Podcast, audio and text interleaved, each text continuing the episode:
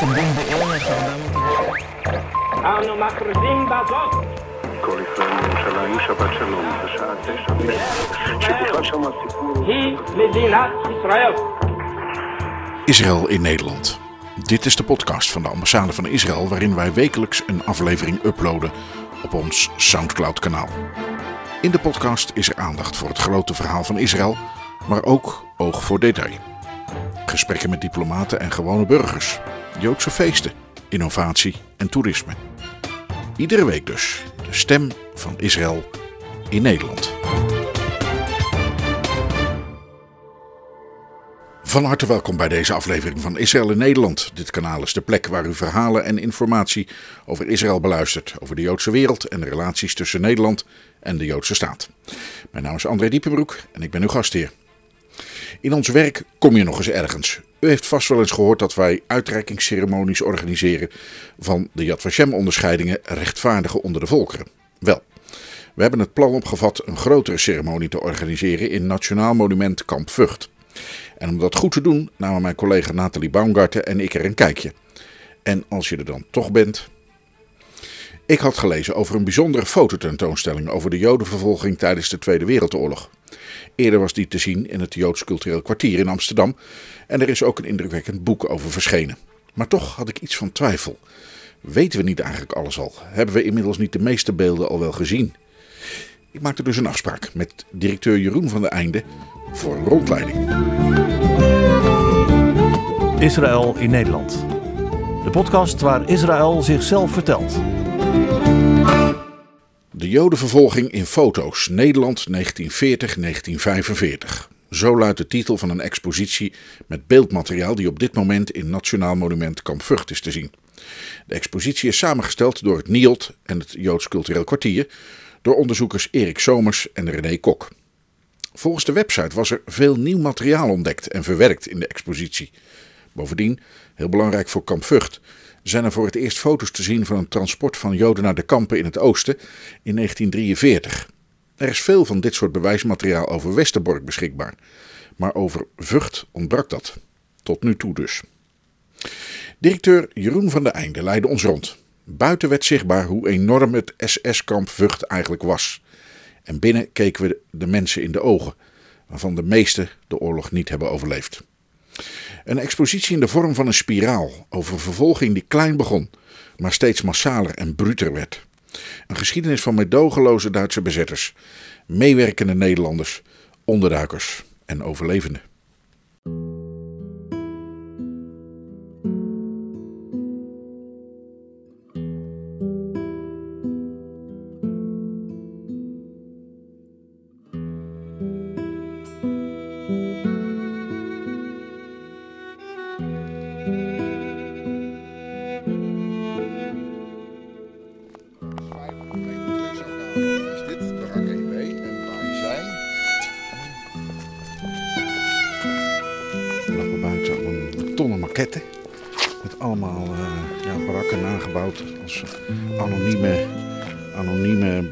Ja, stoepranden lijkt het haast. En daar staan er dan, welke zijn we, zien we nu in het klein en waar we naast staan? Ik ga nu hier bij het crematoriumgebouw staan, wat nog steeds hier op het kampterrein van, eh, of het terrein ligt van Monument Kamp Vught. En je ziet dat een Dat stukje in de hoek, hè? Ja, dat is helemaal in de hoek, de Noordoosthoek. En je ziet dat een klein stukje van de maquette is opgeruwd. En dat is het huidige terrein van Monument Kamp Vught.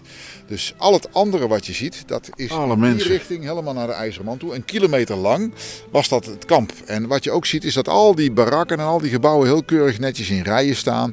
Ja, en dat was het model wat in Duitsland al vanaf 1933 met Dachau helemaal hadden geperfectioneerd. In 1942 begonnen ze hier te bouwen aan een echt SS-concentratiekamp. De instructies kwamen ook allemaal uit Berlijn. Dat is ook de unieke positie van kamp Vught in Nederland. Dat het echt deel uitmaakte van die nazi-SS-Duitse kampenorganisatie. En eh, net zo modelmatig werd dat hier allemaal opgezet. En eh, ja, dan zie je welk klein stukje eigenlijk wij vandaag de dag eh, nog beheren. En dat al die andere delen, die zijn er nog grotendeels. Daar is nu een gevangenis, daar wonen Molukkers en daar is een kazerne. Dus uh, dankzij die naoorlogse gebruikers zou je ook kunnen zeggen, bestaan delen van het kamp ook nog steeds. In Westerbork was op een gegeven moment niemand meer die er enig nut van had. En toen is ook het hele kamp afgebroken met een lege vlakte tot gevolg. Ook indrukwekkend, maar op een heel andere manier dan hier.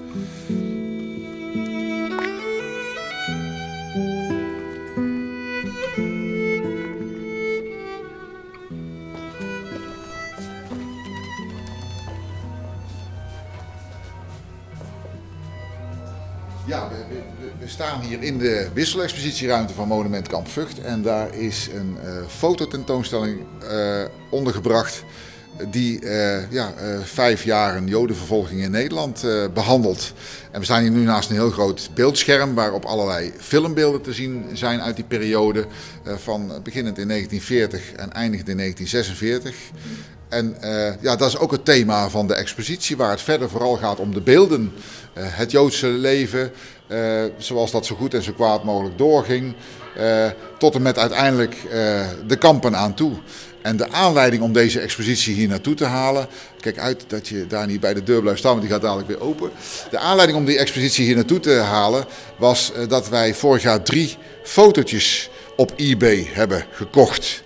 En als museumdirecteur van een oorlogsmuseum vind ik het verschrikkelijk om dingen te moeten kopen op eBay.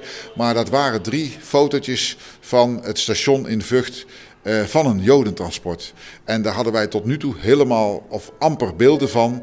En uh, we wilden die foto's hier presenteren. En deze tentoonstelling die eerder is gemaakt in het Joods Cultureel Kwartier met medewerking van uh, René Kok en Erik Somers van het NIOT.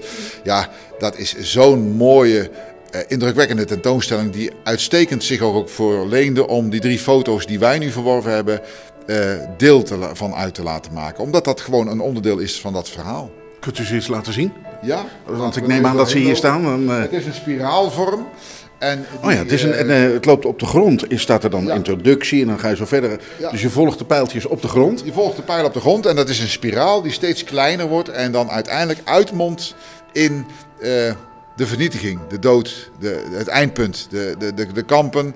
En daaraan voorafgaand natuurlijk ook het vertrek uit Nederland en dus die stationsfoto's uit Vught. Wat het natuurlijk eigenlijk ook was, een soort fuik, hè, de hele bezetting, ja, dat het gaandeweg ja. erger werd. Ja, ja, nee zeker. En dat al helemaal, de anti-Joodse maatregelen natuurlijk. Uh, in eerste instantie nog onschuldig lijkend, van je moest dit, je moest dat. Mensen moesten vertellen, de ambtenaren moesten zeggen dat ze niet Joods waren. Hè. Dus zo, zo werd een groep langzaam maar zeker geïsoleerd. Natuurlijk de, de, de Jodensterren.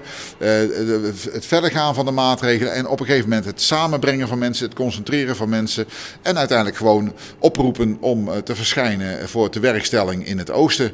En ja, dan was, dat was ook het moment waarop de mensen naar uh, vaak eerst door Hollandse Schouwburg en vervolgens naar Westerbork en dus ook naar Vught uh, werden gebracht.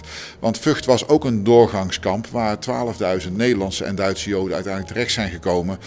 en ja, vanuit die gevangenschap de reis naar het vernietigingskamp hebben moeten beginnen. Was Vught een soort tussenstation tussen, laat ik zeggen, thuis en Westerbork en daarna het oosten? Of ging het vanuit Vught direct naar het oosten? Uh, het was een soort tussenstation, uh, maar het kon ook betekenen dat je slechts drie dagen in Westerbork uh, stond en vervolgens gewoon daarna weer wegging. bijvoorbeeld de beruchte kindertransporten vanuit Kamp Vught. 1296 Joodse kinderen die met één ouder werden gedeporteerd vanuit Vught. zijn naar Westerbork gegaan. Daar zijn er een paar kinderen uitgehaald en een paar kinderen bijgegaan. En een paar dagen later alweer reed die trein naar Sobibor. Uh, dus ja, het was uh, uh, een manier om dat proces soepel te laten verlopen, om het zo, zo maar te zeggen. Maar een totaal andere plek ook wel dan, dan, dan Westerbork, waar veel meer echt een, een dorp was met allerlei voorzieningen en, en zaken. Maar ook hier in Vught deden de nazi's er alles aan om het vooral te laten lijken op een opvang en niks aan de hand. Niks aan de hand, ja. ja. ja. Um... Uh, een fototentoonstelling hebben we niet alle foto's. Ja, u zei natuurlijk net uh, van die drie foto's die je op eBay uh, had gevonden. Maar um, hebben we niet het meeste al gezien? Waarom nog een ex expositie met foto's? Nou, omdat er ontzettend veel fotomateriaal is. En ik heb natuurlijk niet zelf de expositie samengesteld. Maar René Kok en Erik Somers werken al decennia bij het NIOT. Weten als geen ander welk materiaal er is. En hebben ook uit allerlei, eh, uit eigen collectie, maar ook uit particuliere collecties. Ja, eh, ongelooflijk veel beelden bijeengebracht die juist in de breedte eh, veel meer dat verhaal van de jodenvervolgingen in Nederland tijdens de Tweede Wereldoorlog eh, duidelijk maken. En natuurlijk, we kennen allemaal de foto's van de razzia's op het Jonas Daniel Meijerplein. We kennen allemaal enkele andere foto's, zeker ook uit Westerbork. Maar hier is gegarandeerd ook veel nieuw en onbekend materiaal te zien. En dat maakt het ook zo'n indrukwekkende tentoonstelling, omdat de kracht van het beeld, daar geloof ik zeer in. En het is een enorm cliché, maar een foto eh, zegt echt heel regelmatig veel meer dan duizend woorden kunnen schrijven. Waar wil u, welke foto wil u mij eerst laten zien? Want er hangen er hier een hoop. En eh, u heeft natuurlijk eh, nou, misschien wel duizend boeken gelezen over de oorlog. Want u bent directeur van het Nationaal Monument Kamp Vught. Maar welke vindt u nog altijd spreken? Of zegt u, die zo kende ik het nog niet eigenlijk? Eh, nou, eigenlijk wat, wat, wat, wat u in het begin al zei, eh, dat je natuurlijk, eh, kennen we niet al die foto's van de Jodenvolging, ja, die, die, die ken je dan. En zo heb je ook voor jezelf een bepaald beeld. Maar in dat beeld zitten bepaalde dingen helemaal niet zo op het netvlies. En nou, we- we staan hier al voor de eerste foto in de tentoonstelling. En dat is gewoon een, een, een- groepje feestvierende mensen. Het is een, een sepia-foto. Hij is eh, behoorlijk groot. Ik denk A3 of zoiets. Ja. En er staat een...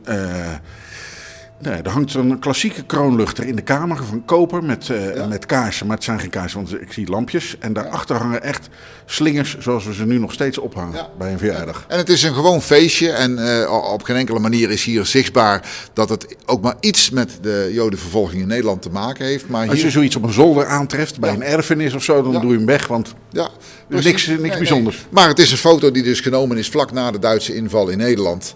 En eh is dan allemaal Joden op die eh, met elkaar een, een feestje aan het vieren zijn. Nog eh, voor een belangrijk deel toch, vrees ik, onkundig van wat hen nog te wachten zou staan. Nou ja, dat is ook niet voor niets de beginfoto. En eh, ja, al heel snel volgen dan de, de foto's waarop de, de WA door de straten marcheert. de eerste winkelruiten bekladderd worden. En dan heb je die iconische beelden van die razzia op het Jonas Daniel Meijerplein. En wat ik hier wel bijzonder aan vind, is dat die iconische beelden te zien zijn, maar dat ze ook in de context worden gepresenteerd. En dat de hele serie foto's die, die toen die dag gemaakt is, hier te zien is. Waar ook weer foto's op staan die ik nog nooit heb gezien. Welke, welke kennen we allemaal? Of zouden we in ieder geval allemaal moeten kennen? Even die iconische. Hè? Dat is een, een, een, hele erg bewogen foto. Hè? Het is een, iem- iemand maakt hem stiekem, denk ik. Of, of maakt hem snel. Eh, Ja. Je ziet rechts een, een rij mannen staan. Staan allemaal in het naast elkaar. Ja. Links staan Duitse soldaten. En middendoor rent een man. Die wordt opgejaagd. Ja, blijkbaar. Eh, die- die- die- wat er precies gebeurt, weet ik niet. Maar daaronder is een foto te zien die ik dan weer niet kende. Die ook een en al beweging is waarop eh, eh, de mannen op de grond liggen en die Duitsers eroverheen gebogen zijn. En het lijkt er hierop alsof gewoon met veel dreiging en intimidatie en pesterijen eh, deze mannen eh, in, het, in het gelid worden gezet en, en bang worden gemaakt. En eh, ja, de, de andere iconische foto is natuurlijk die waarop ze op hun hurken eh, of op hun knieën zitten en hun ogen, eh, hun handen omhoog heffen. En eh, je ziet wel aan de gezichtsuitdrukkingen eh, dat, ze, dat, dat ze angstig zijn en dat ze bang zijn en dat ze eigenlijk niet goed weten wat hen zojuist overkomen is. En eh, ja, eh, dan ook nog eens een keer het besef dat ze allemaal naar Mauthausen zijn gevoerd en eh, binnen weken eh, nadat deze foto's genomen zijn allemaal vermoord waren. Ja, dat, dat is het besef wat natuurlijk boven deze hele tentoonstelling hangt. eh. Maar dan, dan eh, want die iconische beelden die zijn gemaakt eh, 22 februari 1941. Ja. Dat is nog maar heel kort na die eerste foto, hè? Met dat verjaardagsfeestje. Ja, ja. Zo snel ging het dus. ook hoe snel dat eigenlijk ging natuurlijk. En eh, eh, eh, laten we niet vergeten dat midden 42 al aan de bouw van Kamp Vught is begonnen. En dat Westerbork op dat moment ook al volop draaide. Dus die vervolgingsmachine die is heel snel na die Duitse inval in, in actie gekomen. En daaraan gingen dus allerlei, zoals ik al zei, kleine maatregelen vooraf. Maar ja, dat voltrok zich in een razend tempo. Maar je, eh, je kunt ook wel begrijpen dat eh, de mensen die daar toen eh, aan de slachtofferkant stonden, ehm, veel keuzes te maken hadden. Van wat kan ik doen? Kan ik onderduiken? Moet ik vertrouwen op de belofte dat ik met een bepaalde sperre wel gevrijwaard zal blijven? Wie kan ik hiervoor inschakelen? Heb ik geld genoeg? Hoe kan ik geld maken om onder te duiken en zo? Onder die hoge druk uh, moesten mensen uh, ja, soms of vaak levensveranderende beslissingen nemen. En ik, ken ook vanuit Vught wel verhalen van mensen die besloten om te vertrouwen op hun invloedrijke relaties en niet onder te duiken, maar vervolgens wel gedeporteerd en vermoord werden. Ja. allemaal achteraf, allemaal terugkijkend. Maar ja, dat, dat, dat geeft wel dat gevoel weer. En dat is de kracht, denk ik, ook van deze expositie. Die in die beelden, met zo ook, ook zo'n zo'n serie foto's van zo'n razzia, ook heel goed, heel dicht bij de emotie kan komen van dat moment. En, uh, aan de, en, en het contrast ook tussen aan de ene kant het leven gaat gewoon door en er is nog steeds een markt op het Waterloopplein en uh, uh, mensen zwemmen hier nog steeds in de IJzeren Man hier vlakbij. Maar ondertussen toch ook wel weer de, de, de, de massaliteit en de intimidatie van die, van die maatregelen. Die in een stad als Amsterdam natuurlijk met zo'n grote Joodse bevolkingsgroep veel duidelijker waren ook weer dan in een, in een gemeente als Vught. Maar die waren er hier ook. ja, en dat werpt ook weer allerlei vragen op om, omstanders en wegkijken of juist helpen. En uh, ook dat is een, een, een lastige uh, vraag, maar vragen stellen, daar gaat het hier om. Je wordt hier geconfronteerd met een heleboel vragen. En je kunt niet op al die vragen een, een, een sluitend passend antwoord geven. Maar die vragen die moeten wel gesteld worden, die moet je ook jezelf blijven stellen. En dat is heel belangrijk, ook voor ons handelen in de toekomst, denk ik. Voor de dingen die wij nog tegen kunnen komen, waarin het er soms ook om gaat om een bepaalde morele keuze te maken. Zeg maar. Ja. Nou, als we dan verder lopen, dan komen we Amsterdam tegen, de Joodse wijk, Jodenviertel. Gaandeweg zie je het inderdaad uh, erger worden bij parken, gemeente Doorn, Joden. Ja, niet gewenst en niet hebben dan mensen denk van het verzet of de tegenstanders met, uh, met uh, verf ja, weg. Ja, ja. Joden gewenst hebben ze ervan ja. gemaakt, ja. Uh, ook nog weer Amsterdam nog steeds alleen toegang voor Joden. Dus je had ook een deel van de markt die alleen voor, voor Joden was. En dan staan we hier ineens naast een, een kleine tafelvitrine. Ik weet niet of ik dat goed zeg, maar zoiets is het eigenlijk. Ja, met een echte Jodenster, denk ik. Ja, zeker. Met een echte Jodenster, met een echt bordje uh, voor Joden verboden. En met een echt persoonsbewijs waarin een hele grote J is uh, gestempeld. Ja, uh, je ziet dus ook vanaf die eerste foto, dat feestje, die Davidster steeds vaker opduiken op de foto's. En dus ook steeds vaker hoe binnen die bevolking, de Joodse bevolkingsgroep, werd gestigmatiseerd en eruit werd gelicht. En dat, dat is hierdoor wel heel erg duidelijk. Dit is, natuurlijk, dit is natuurlijk de voorkant. Ja. En achter u zien we iets wat dan meer, laat ik zeggen, dan de achterkant is. Ja.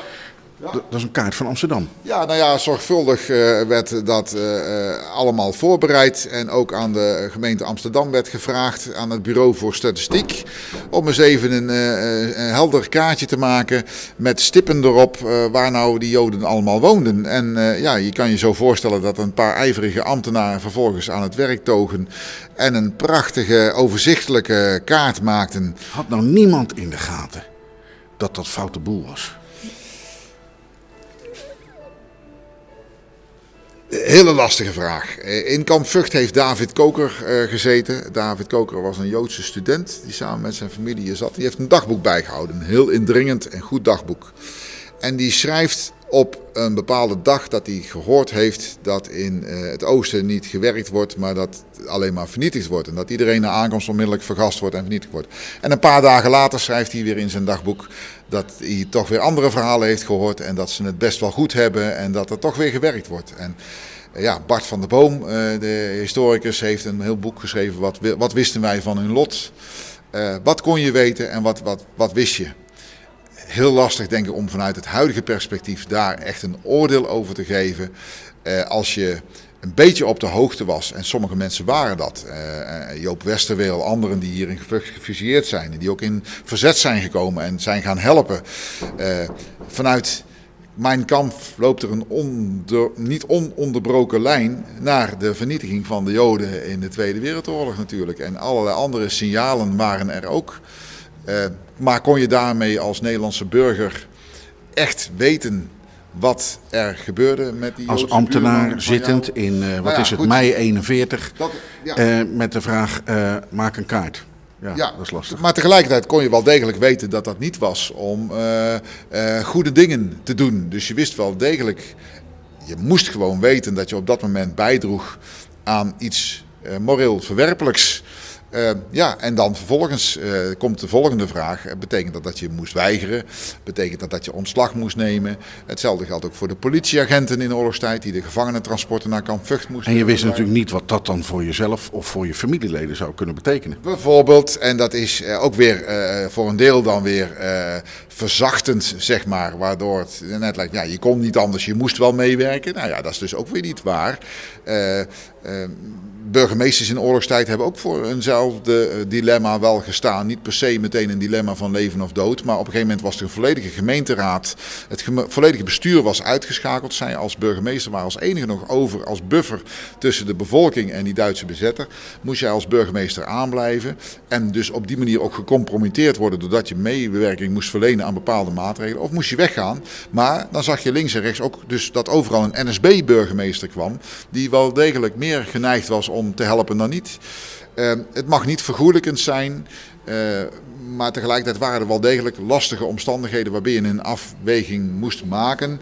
Maar goed, die ambtenaren die meehielpen aan een perfect systeem van persoonsregistratie en eh, dit soort stippenkaarten, die hebben eh, zichzelf ook wel iets af te vragen gehad, zou je zeggen. Eh, ja. Eh, en het is ook een moreel, moreel verwerpelijk wat ze hebben gedaan, maar zijn ze niet daarmee meer- schuldig aan eh, de moord? Ja, Heel ingewikkeld. ingewikkelde, Eén stip is dan, ook, eh, één stip is dan tien Joden. Ja, Dus je kon zo zien welke- concentraties zitten. En daarmee konden de Duitsers of de bezetters vervolgens weer.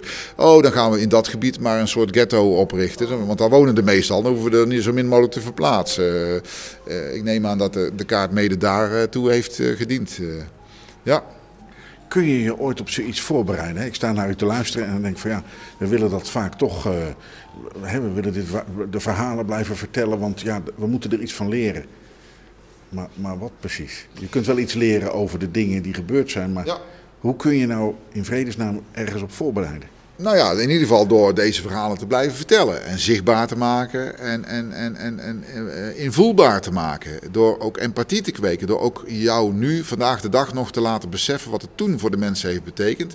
En wat bepaalde keuzes en niet-keuzes, want ook niet kiezen is een keuze. Maar je, je kunt ook zeggen, nou, ik, eh, ik ga gewoon door. Ik ben, het, het betreft mij niet en eh, ik hoop het beste voor ze. Maar nou ja, dat dat consequenties kan hebben die... soms heel, heel, heel erg ver kunnen gaan. En dat bewustzijn, dat proberen wij hier als Monument Kamp Vught eh, in leven te houden. En ook andere instellingen. En dat is dus Tweede Wereldoorlog gebaseerd. Maar niet alleen maar exclusief voor die Tweede Wereldoorlog. Want ook vandaag de dag moeten we ons voortdurend bewust zijn van keuzes die er te maken zijn. En eh, dat we ook een zekere verantwoordelijkheid hebben. En dat we ook eh, bewust moeten zijn van bepaalde morele... eh, scheidslijnen, om het zo maar te zeggen. En ons thema, als je hier rondgaat en op het eind weer uitkomt, dan is ons thema daar, niet voor niets, morele moed. Wat kunnen jij en ik doen in situaties waarin we beseffen dat andere mensen eh, onheus worden bejegend, iets Gevaar aangedaan, gevaar lopen, eh, enzovoort, enzovoort. En dat begint vaak klein, dat is iets wat we hier ook leren. Eh, dat is nooit in één klap on, on, on, on- ongelooflijk zichtbaar. Maar dat kan op sommige momenten in de geschiedenis heel groot eindigen. En ja, die Vuchtenaar die daar aan het station woonde, op het Versterplein uitkeek, die kon daar ook niks aan doen dat hij of zij daar woonde. En die werd vervolgens wel dagelijks geconfronteerd met grote groepen mensen die naar een kamp werden gebracht, waarvan je ook niet helemaal precies het eh, begin en het einde wist. En dan kun je ook weer afvragen, ja, konden die mensen nou niet eens ingrijpen? Konden, ja, wat, wat, Oké, wat konden die doen? Ze konden onder andere de gordijnen sluiten, wat sommige mensen deden. Dan hoefde je het niet te zien. En je kon ook naar buiten lopen en bijvoorbeeld briefjes oprapen die op straat werden gegooid. En die naar de familieleden en het thuisfront sturen. Nou, er is al een groot verschil, vind ik, enerzijds tussen het sluiten van de gordijnen en aan de andere kant toch in ieder geval een vorm van hulp eh, bieden. We gaan verder in de spiraal. We komen dan, ja, dwangarbeid zien we dan. Eh, Mensen die eh, met scheppen geulen graven. Weer bij een groot, groot televisiescherm. Eh, dat ziet eruit als een kamp, maar dat is niet Vught. Nee, dit is eh, de Westerbork. Dit zijn fragmenten uit de beroemde eh, Westerbork-film. Inmiddels zelfs UNESCO Werelderfgoed. En uh, ja, uh, uh, het is een in opdracht gemaakte film, hè, zoals we weten. En best scherpe beelden. Dit zijn denk ik de, dit is de, de ja, opgefriste versie.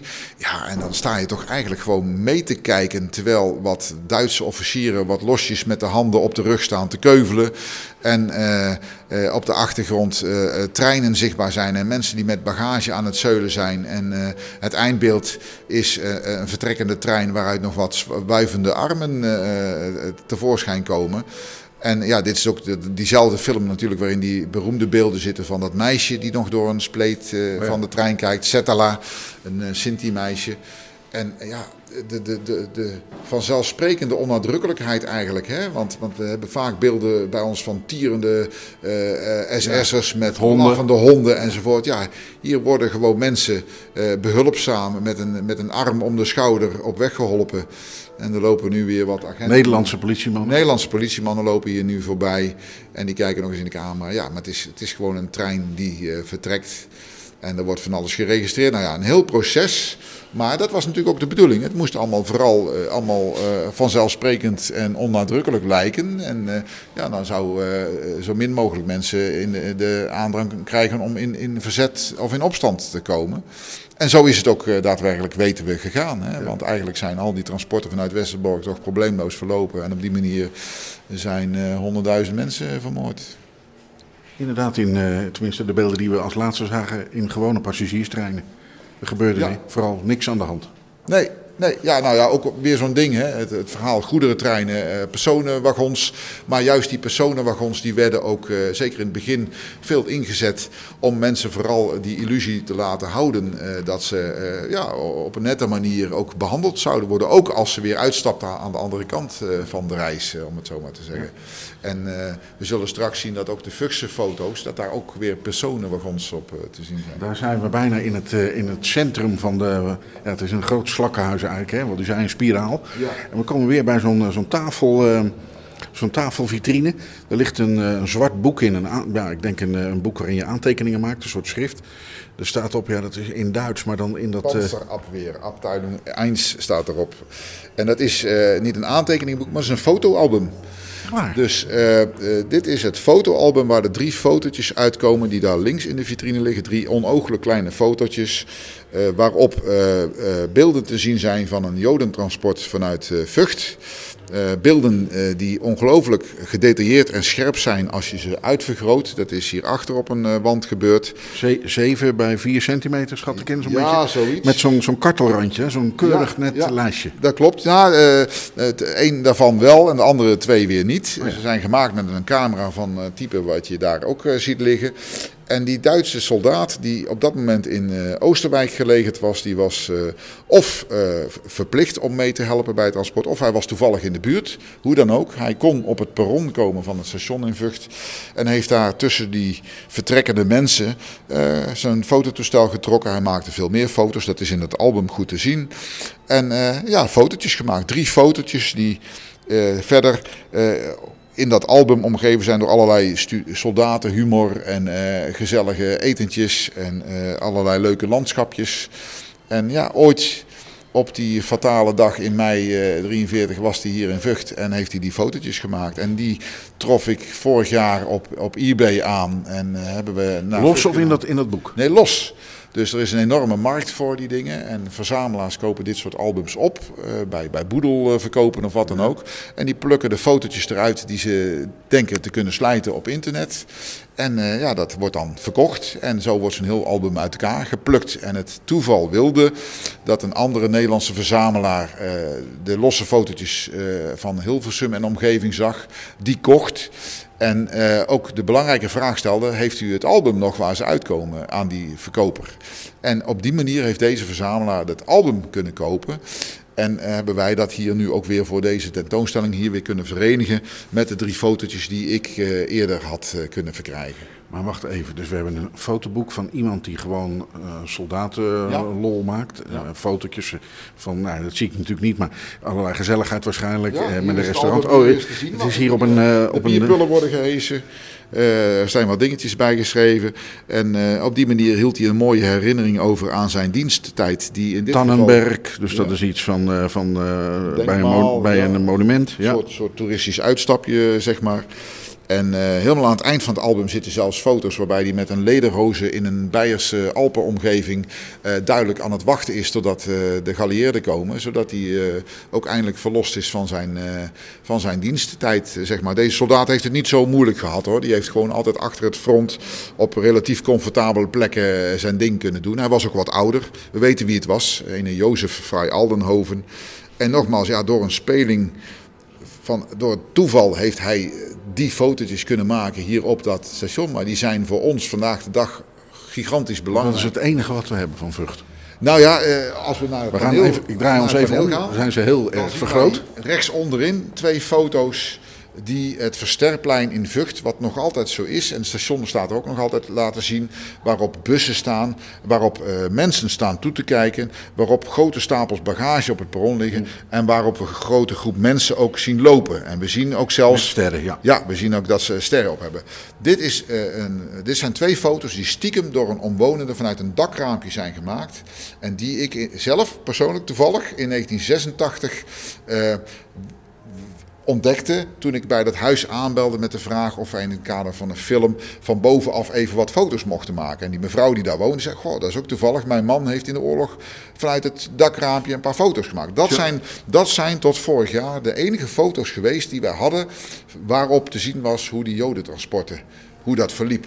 En nu in één klap staan we voor twee haarscherpe en één iets wat bewogen foto. Maar die staan we midden tussen de mensen. En, en zeker deze foto, die, ja, eh, ook René Kok van het Nieuws noemde hem al meteen iconisch. We kijken recht in de gezichten eh, van de mensen die allemaal een beetje naar buiten het beeld kijken. We zien helemaal links iemand staan met een armband van de Joodse Raad. Eh, we zien op de achtergrond twee Nederlandse politieagenten eh, op een gemakkie eh, door de mensenmassa banjerend. Ja, en deze mensen ook. Ze, ze, zien er niet angstig of verschrikt uit, wel leidzaam en berustend. En ook van ja, wat, wat gaat er nu gebeuren? Zij weten niet meer dan dat zij nu naar Westerbork zullen worden vervoerd. En van daaruit zullen ze het wel weer verder merken. Jonge mensen, jonge kinderen, ouderen. Ehm, ja, eh, wachtend, wachtend, wachtend. Zo hebben ze uren moeten wachten in Vught. En we weten, dat hebben we natuurlijk inmiddels uitgezocht, dat ze vervolgens naar Westerbork zijn gegaan. Daar zijn er weer een paar uitgehaald en dan ben je een paar erbij gestuurd. En een paar dagen later, vijf dagen later, waren de meeste mensen op deze foto eh, vermoord in de gaskamers. En eh, wij vertellen dat verhaal, we, we, we, we doen dat natuurlijk al jaren. Iedereen weet het en kan het weten, maar de aanblik van de foto eh, raakt je en snijdt diep in de ziel. En doet je ineens nog veel meer dan al die woorden die we daarover schrijven, beseffen van ja, dat is eigenlijk een ongelooflijke enormiteit wat hier heeft plaatsgevonden. En zo onnadrukkelijk en alledaags en vanzelfsprekend als het tafereel eruit ziet. eh, als je het in die bredere context plaatst, dan is dat echt ongelooflijk. En datzelfde geldt bijvoorbeeld voor de scherpe foto van een enorme stapel bagage die daar ligt. Allerlei Met bundels, allemaal- het ja. lijkt wel matrassen en Ja, zo, en jassen. namen opgeschreven en aan de hand van die namen konden we een paar eh, mensen zelfs identificeren. Dus toen wisten we, oh, die zijn toen vervoerd. En zo wisten we weer het linkje te leggen. Oh, dat is dat transport geweest. Er zijn zoveel mensen geweest. En dit is er met ze gebeurd. En zo weten we ook dat ze dus vijf dagen later vrijwel allemaal vermoord eh, waren. En, en ja, daarmee kun je die geschiedenis ehm, ja, heel dichtbij brengen. En dat is ook de bedoeling van ons eh, eh, monument. Om, om, om een verhaal wat bijna 80 jaar geleden gebeurd is. eh, eh, krachtig te vertellen. Op de plek waar het ook gebeurd is. Dat is ook de toevoeging die je hier natuurlijk hebt. En daarmee ook jou aan het denken te zetten en wakker te schudden. Vraag je, die soldaat die spreek, die, die schreef allerlei dingen bij die foto's, niet bij allemaal. Heeft hij hier nog wat bij geschreven? Eh, dat is een hele goede vraag. Volgens mij stond er niet veel meer bij dan Vught en, een eh, en een datum. Eh, zoiets. Niet veel meer. En dat het Vught is, weten we gelukkig ook doordat op een van die foto's Ja, de het zijkant station. van een station zichtbaar is. En dat is ook, dat is ook het gelukkige toeval geweest, want die verzamelaar, eh, in de, of die man die in Duitsland dat allemaal gekocht heeft, die weet niet dat dit Vught is. Dus die zet, die, voor hetzelfde geld had dit er niet op gestaan en dan had ook nooit in zijn beschrijving Vught gestaan. En dan was het waarschijnlijk nooit ontdekt. Dan, dan had het echt een toeval moeten zijn om te zeggen van, oh, ik, ik zie onmiddellijk, hey, dat, dat, dat moet Vught zijn. Maar iemand die daar niet echt vertrouwd mee is, die weet dat dan vervolgens weer niet. En eh, ja, dat is, dat is dan toeval. En zo moeten er natuurlijk veel meer foto's zijn gemaakt. En eh, het jammere is dat uitgerekend van eh, datgene wat er in en rond Vught is gebeurd, er heel weinig beeldmateriaal eh, bekend is. Dat wat, wat het nog eens belangrijker maakt dat deze foto's nu opgedoken zijn. Drie fotootjes tussen de kiekjes van de lederhozen en de bierpullen. Ja, Ik geloof niet dat hij heel veel... Het is een waarschijnlijk... Ja, hij vond het wel apart om die foto te maken, maar voor de rest... Nee, en, en, hij heeft ook niet de moeite genomen om de foto's later na de oorlog eh, uit zijn album te halen. Dus die zijn er gewoon ingebleven. En eh, ja, die maakte onderdeel uit van eh, de. Ja, af en toe is een leuke, spannende intermezzo van zijn verder vrij saaie soldatenleven. ja, Maar er is dan natuurlijk tussen die oren wel iets grondig mis. Ja zeker, zeker. Zeker als je weet wat, er, wat, wat, wat, wat je hier op de foto hebt gezet. En eh, we weten ook dat Duitse Wehrmachtssoldaten in het, aan het Oostfront ook eh, de meest verschrikkelijke dingen op hun eh, foto's zetten. En naar, en naar huis stuurden van kijk eens, hier worden partisanen opgeknoopt. Of we hadden vandaag weer eens een actie. Nou, ja, en ja, maar, maar is daarmee deze fotograaf, deze man, een, een, een abnormale gek of een misdadige moordenaar? Eh, ik vrees dat het een gewone, brave Duitse burgervader was. Met, eh, er staat een mooi portretje met zijn vrouw en een kind eh, voor in het album ook. die een, een liefhebbende vader was. En ja, die denk ik deze. Ik, ik, ik- je kunt je ook afvragen of hij op het moment dat deze foto's gemaakt werden, wist wat deze mensen te wachten stond. Dat is weer de, de vraag die we eerder ook zeiden. Kon hij dat weten? Ja, nou goed, hij kon best wel wat, wat, weer wat meer weten. Maar ja, hoe, hoe, hoe ziek eh, ben je dan? En we moeten denk ik oppassen om eh, alle Duitse nazi's ziek te noemen. Want dat is nou denk ik aan weer de andere kant. Dan, dan moet je ziek zijn om op die manier tot dat soort dingen in staat te zijn. En het punt is nou juist dat je heel vrij gewoon. veel gewone mensen daartussen hebt. En berucht en beroemd is het verhaal wat Christopher Browning heeft beschreven van een stelletje Hamburgse politieagenten. Die eh, voor een klusje werden gevraagd. En uiteindelijk eh, bleek dat klusje eh, te zijn het moeten executeren van honderden, duizenden Joden. En hij beschrijft op indrukwekkende wijze in dat boek hoe een stelletje brave, normale huisvaders uit Hamburg tot kille moordmachines uitgroeien.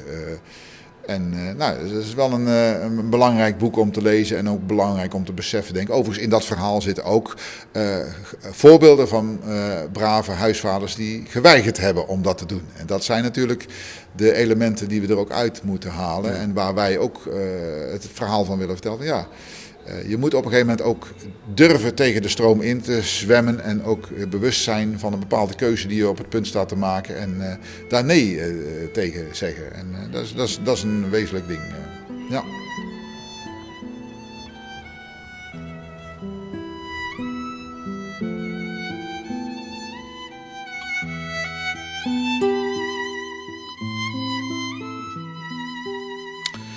U hoorde directeur Jeroen van de Einde van Nationaal Monument Kamp Vught, met wie ik de tentoonstelling De Jodenvervolging in foto's Nederland 1940-1945 bezocht. Deze expositie is nog tot en met 8 januari 2023 te zien in Kamp Vught.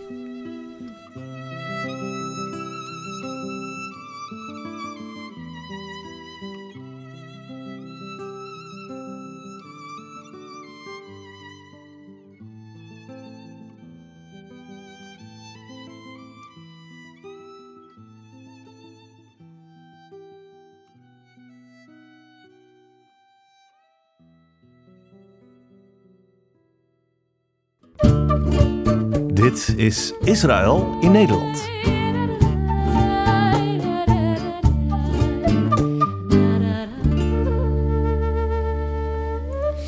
Wat Wat doet een ambassade zoal? En een ambassadeur? Dat is voor niet iedereen even helder. Twee jaar geleden startte ik met The Ambassadors Week een rubriek waarin we even op vrijdag binnenliepen in het kantoor van de ambassadeur. Gewoon om even een praatje te maken. Die draad pakte ik onlangs weer op. Ik liep de gang uit en wandelde binnen bij ambassadeur Modi Efraim. Ik had in zijn agenda iets zien staan over raceauto's in Zandvoort en een festival.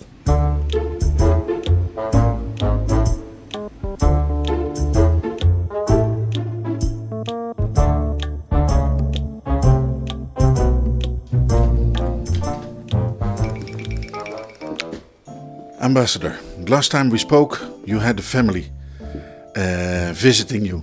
How was it? Well, it was beautiful. We just now at the beginning of September, and uh, they enjoy the hottest summer here in the Netherlands since 2000, so 22 years. So it was beautiful. They enjoyed very much The Hague and the entire country, and they are in their way back to the beginning of uh, the new uh, new year and schools. Right. So, rest returns to your uh, to your house. Well, I'm a diplomat, so uh, but but it's absolutely right, and uh, but we enjoyed very much, and we had also quite an intense week in the last week of August. Um, I was uh, meeting here some politicians, which was uh, very nice before you know they start the uh, parliament and the senate uh, sessions, and it was important for us and. visiting Amsterdam and the leadership of the Jewish community, uh, it was nice gathering with uh, from 10 synagogues and uh, a nice uh, meeting, exchange of ideas of uh, uh, for the next for the upcoming year. So I was really enjoying sharing this time together and being being with them at the end of the summer. How important is it for the Jewish community and for the embassy to have like a good mutual relationship? It is, it is extremely important for me, for the embassy, and of course for the community. Uh, the relations between Israel and the Jewish community are very important, and uh, of course uh, they help a lot also uh, to the embassy working here in different with different sectors sectors in the Netherlands. Uh, and I think uh, just thinking about the history of the Jewish community here in this country, so I see as one of my missions to enhance relations with the Jewish community between them, Israel, and the Netherlands. Now, um, this is all like officials and meetings and that kind of thing. Let's go to something way more uh, fun. That has something to do with yesterday. You were in Zandvoort, right? Well, amazing, amazing. Uh, first of all, the place. It's a beautiful. I'm uh, now uh, next to Scheveningen, but over there, a beautiful uh, beach village, uh, which enjoyed very much. It was intense there to see all the drivers and the cars all uh, the excitement before the Formula One and Two, and mostly for me to meet the Israeli team uh, and to wish them all the best and good luck for the races uh, this weekend. It was nice. Roy Nissani is our driver there, and Eva had an experience to uh, to use and to be a driver for a while in a simulator. And uh, I wish them all the best. And I think the Netherlands is doing a great thing by hosting this important uh, Formula race. They, they, they let you sit in a, in one of the racing cars or not? I cannot share this uh, with you, but I have some pictures if you would like to see. Okay. Uh, and then there's tomorrow, the Embassy Festival.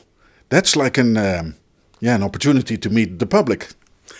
Absolutely, it's uh, to meet the public, to meet the colleagues, uh, to have some fun together with the music, good food, and some, of course, uh, information from for, for tourism and for others. So, uh, and it's like the end of the summer, celebrating together.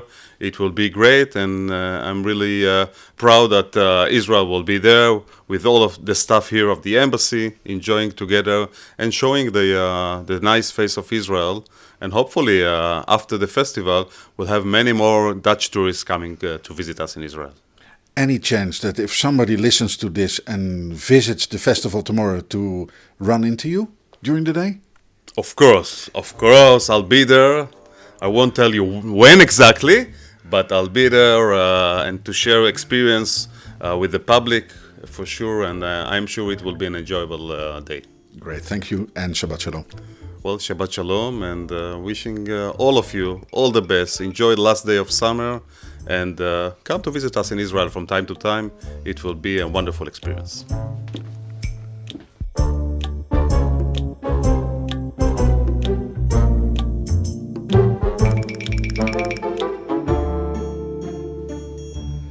En dat zei ambassadeur Modi Efraim. Wij komen hiermee aan het einde van deze aflevering van Israël en Nederland. Vergeet u niet volger te worden of anderen aan te raden dat te doen.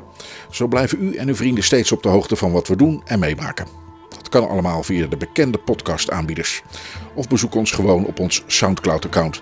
soundcloud.com slash Israël in Nederland. Voor nu, dank voor het luisteren en graag weer tot binnenkort.